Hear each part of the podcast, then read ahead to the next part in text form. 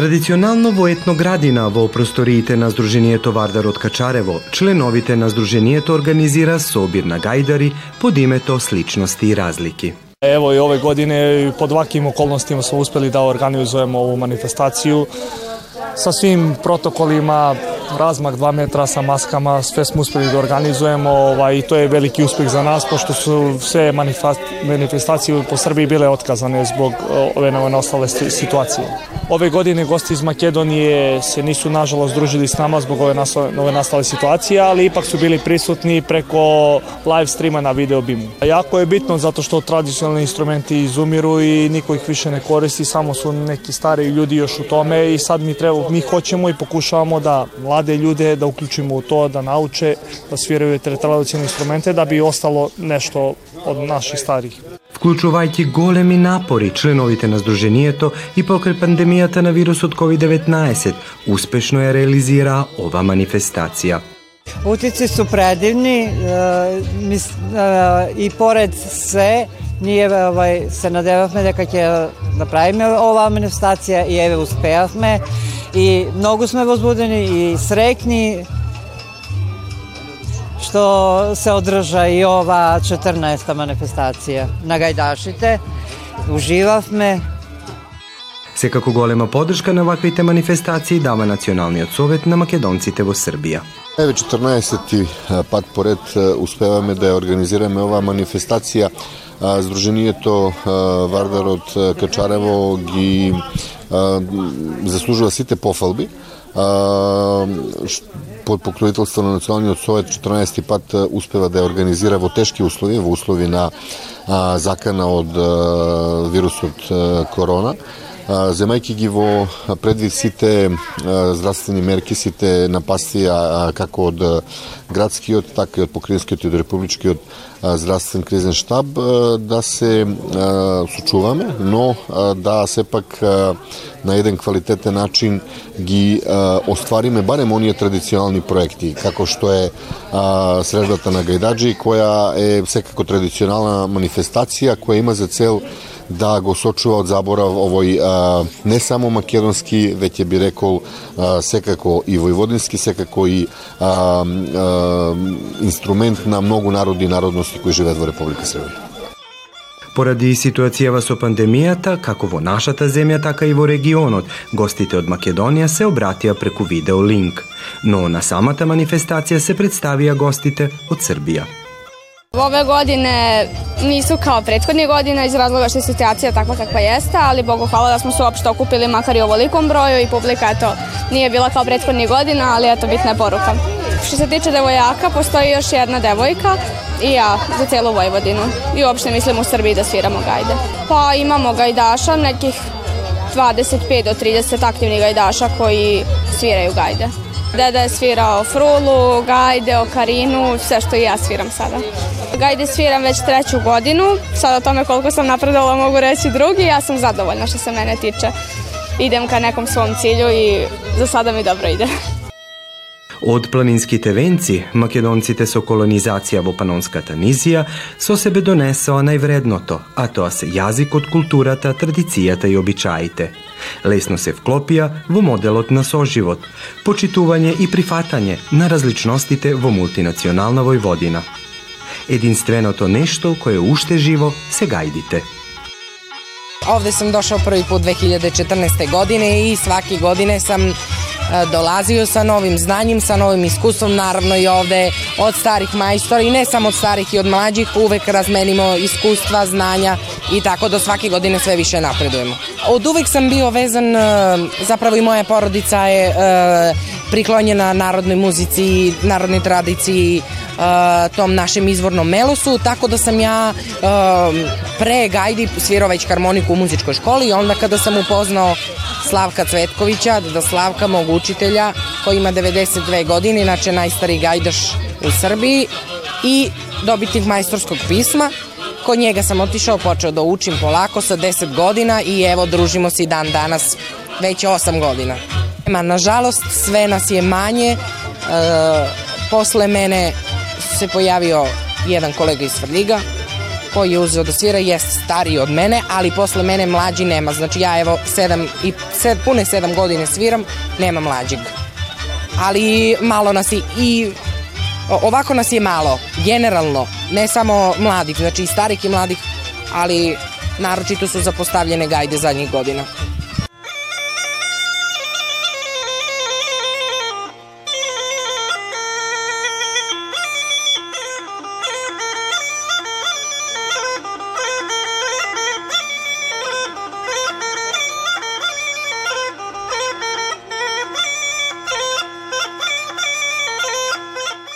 Разликите на свирење на гајди постои, што ни докажа и учесниците, кои свира разни мелодии на различни видови на гајди. Токму тоа е целта на ова манифестација, да се прикажат различностите, но и сличностите на гајдите. Гледате палету. Избор из емисија на језицима национални заедница.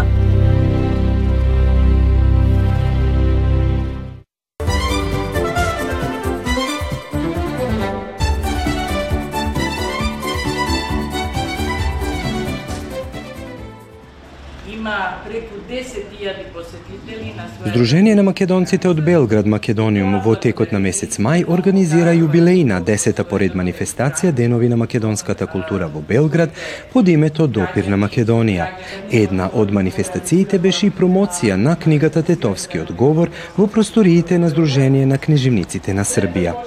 Дојдов на идеја затоа што сум ја тетовчанка и секако дека ги следам ова социјалните мрежи Facebook – и уште зимоска во јануари забележав дека а, на страницата Јас го љубам Тетово а, има многу посетители кои со прекрасни оценки и со големи емоции ја оценуваат таа книга која беше а, издадена на почетокот на јануари оваа година и малку ова што можев некоја критика и нешто во медиумите што излезе да прочитам, сватив дека е тоа права книга за ова годинашнава манифестација Денови на македонската култура во Белград, бидејќи ние се трудиме да ги застапиме сите форми на култура, театар, сликарство, поезија, филм и ево мене ми се причина дека тоа е там тоа што ние сакаме да го прикажеме, тоа е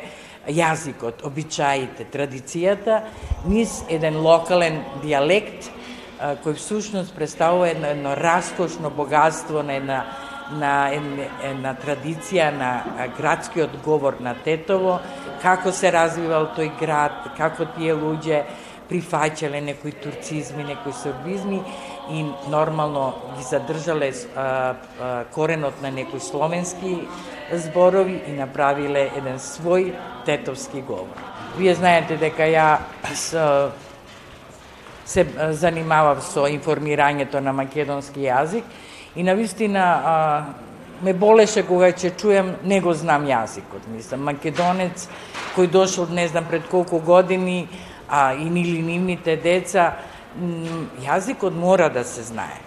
Мислам, ја имам исто три деца, сега имам три внучиња, сите го знаат македонскиот јазик, им пеам на македонски, им рецитирам на македонски, гачки, приказки им кажувам на македонски, затоа што јазикот е најбитен за нашиот национален идентитет. Значи, ние без јазик сме никој ништо. Ние можеме да правиме графче тавче, да ја пееме песната македонско девојче или не знам.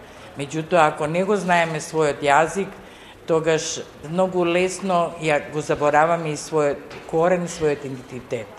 И затоа сметам дека а, преку Националниот совет, преку оние четири области за кои е надлежен, и ние Сдруженијата да правиме се да ние македонците а, не го заборавиме својот мајчин македонски јазик и диалектот на кој сме говореле или на кој говореле нашите предци, татковци и дедовци. Организацијата на овој настан Дарко Гавровски, авторот на книгата Тетовскиот говор, енциклопедиски речник и граматика на Тетовскиот градски говор со етнолошки и историски осврти.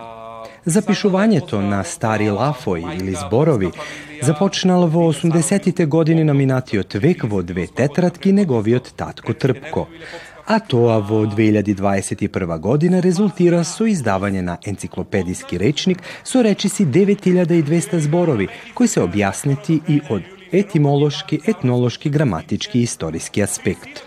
Чест и задоволство ми е што гостувам во Белград за промоција на мојата книга Тетовскиот говор, која би рекол е прва книга сеопфатна за еден говор на целиот македонски диалектен ареал, значи со граматика, историја на истражување, детална граматика, но и речник од 9169 зборови, нарочито во македонските диалекти тенка, тенка е, е лексиката, зборовите. Овде баш е богат речникот, каде што е опфатено и со и, историски и етнолошки осварти секој еден збор, така да е богата содржина за сите љубители на Тетово, но и на македонските диалекти. Јас сум на вистина фасциниран од одзивот вечерва.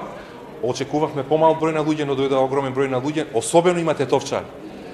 на вистина е тетовска вечер, вечерва, голем број стари тетовчани кои кажуваат дека се од стари фамилии тетовски, така да едно збиралиште вечерва за подсетување на, на старите спомени од градот и очекуваме едно богато дружење со сите. Тетовскиот градски говор е предизумирање. Голем број стари тетовчани се иселени и се иселуваат од градот во други градови и земји Типичниот говор се менува поради влијание на литературниот јазик и говорите од селата и другите градови, вели Гавровски. Тетовскиот говор е специфично по, например, палатализација на кајга, ние викамо таче за така, ваче, руче, ноđе, она к и г се, се омекнуе према ч и дж, исто има, за разлика од другите говори јужно од тука, во тетовскиот говор завршува, например, со мо, идемо, јадемо, пиемо, веќе гостиварско е одиме, јадеме, пиеме карактеристично е и задржување на старословенски ерови, старословенски оние вокали, сланце за сонце, сланце, сан, тмно, так, така да е навистина богат говор.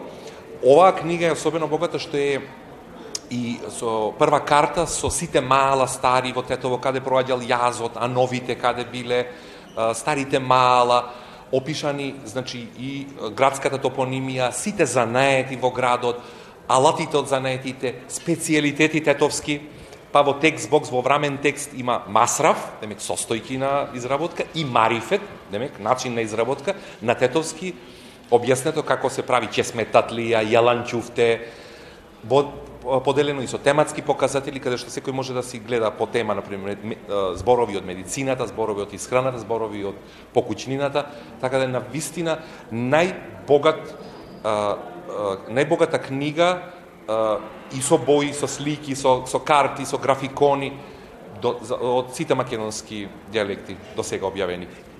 Поттик е тоа за другите говори, за другите истражувачи во другите градови да направат една книга ваква иста на 365 страни за битолскиот говор, охридскиот говор, струмичкиот говор, тоа е богатство на целен јазик.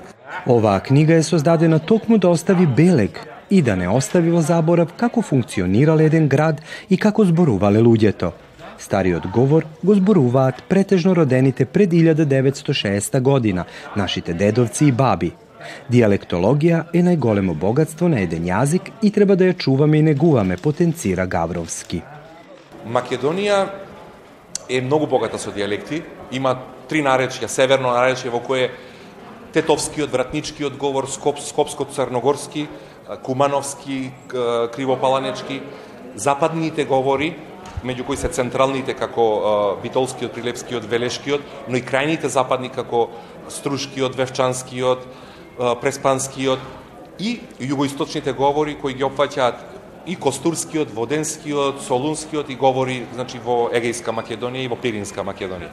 Тетовски градски говор има повеќе карактеристики. Постои веларно Л или омекнување на буквата Л кон У, вол, воу, сол, соу.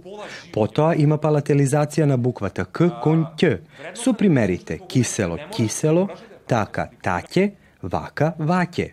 Исто така и редукција на буквата А, која во многу зборови не се слуша како чисто А. Голубче му е убо. Ме мафташ ка будалинка на мртво. А и ладен си у последно време. Према мене ич не ме сајдисуеш. Сигурно зош не носим најлонче ка скопјанчене. Ако е за, за тоа ќе идем у вратници и ќе купим и тоа америччи, па тога ќе видимо чивиноđe и чиви буќе са пубај. Не ичем да те сакалдисуем, ама срцево ми чипе од муќи и од секирација.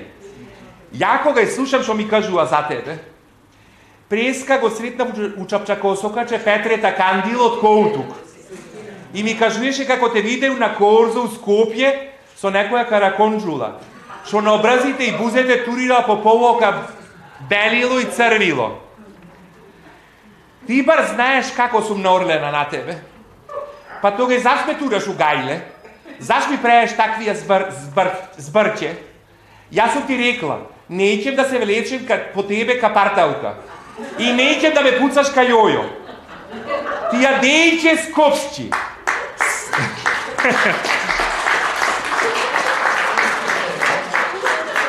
Ти ја дејче скопсчи. Срчка да ги изеде сараджа, сараджа да ги отреби.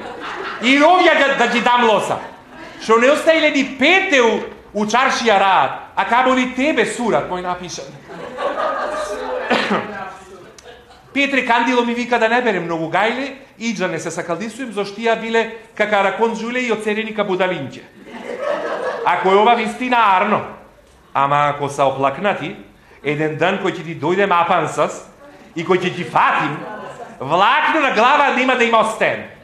Ќе ги искубем ка чашче и ќе ги направим ка папајци. Ама ми се чини и ти си за утепуење. Зошто кога и дојдеш у тето и кој ќе ти бркнем за ним, калчите да су ти ги извајла. Ќе почнеш да ги пцуеш, бо шо абер немаш за ним. Ќе ми речеш дека мораш да идеш на два бреста на фурна да наручаш утрента пастармаилие, иако ти убо знаеш дека пастармаилие прае драго топалот. Има многу да ти кажем, ама не ќе више преку писмо, па те молим да дојдеш па побар го жити мене, зош више не моем да издржим поиќе. Сум станала како у Лосјарски. За поздрав ти праќам пославета Цунибаба, малу оре, коштање, рачија дженарикојца, винце под комиње една кошница јабуќе. Се на крај те цунуеш и се ише спута твоја осантерисана менча.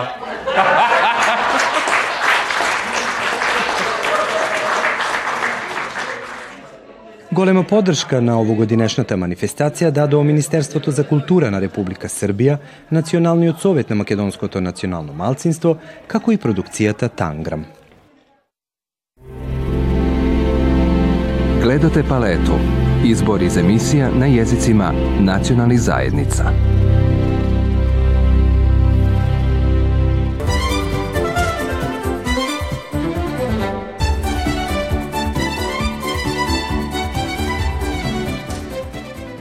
Во организација на Сдруженијето Вардар од Вршац во просториите на Домот на Црвениот крст на Вршачките планини од 3 до 5 септември се одржа едукативниот камп за ученици кои го изучуваат предметот македонски јазик со елементи на национална култура. Македонски јазик со елементи на национална култура воведен е во Вршац од мината учебна година 2020-2021 за прв пат во основното училиште Јован Стерија Поповиќ. Во минатата учебна година имавме пет ученици, за ова година пријавени се повеќе, девет. Инаку македонскиот јазик со елементи на национална култура како предмет воведен е и во Гудурица многу порано. Таму веќе седма година учиме овај предмет како изборни предмет – и таму има повеќе заинтересирани деца, зашто има ова голема традиција. За ова учебна година пријавени се во Гудурица 10 деца, а мината година беа 9. Значи, некој заврши настава, некој почнува со настава и така. За децата која во минатата учебна година погаѓа предмет македонски јазик со елементи на национална култура, организиран е камп на Црвени крст цел викенд од петок до недела. Кампот имат малку едукативна, малку рекреативна содржина. Од ќе имаме работилница на литерарна работилница која ја одржува Снежана Алексич Станојловиќ. И после ќе имаме работилница поликовна. Благое Милоевиќ ќе ја одржува.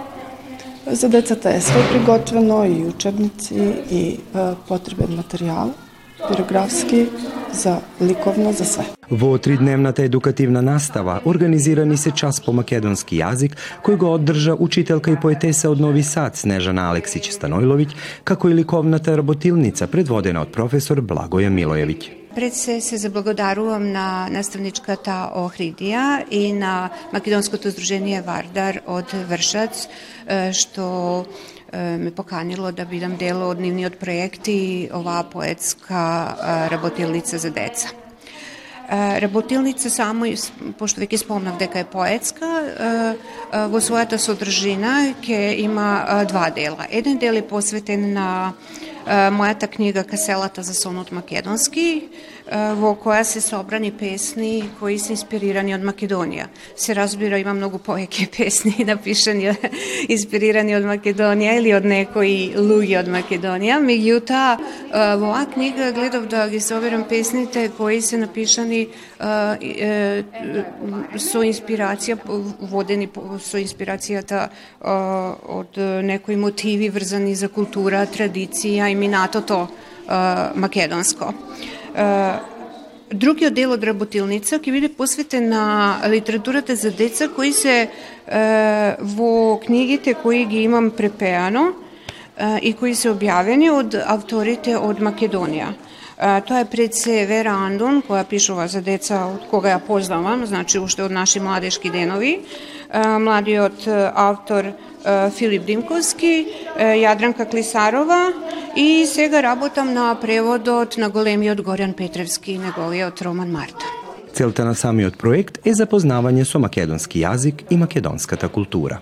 Кога имаш методичко знаење, кога имаш искуство, голема љубов кон својот позив и кон литература, тогаш ништо не е тешко. Значи, од е, нешто од мало нешто може да се направи се што.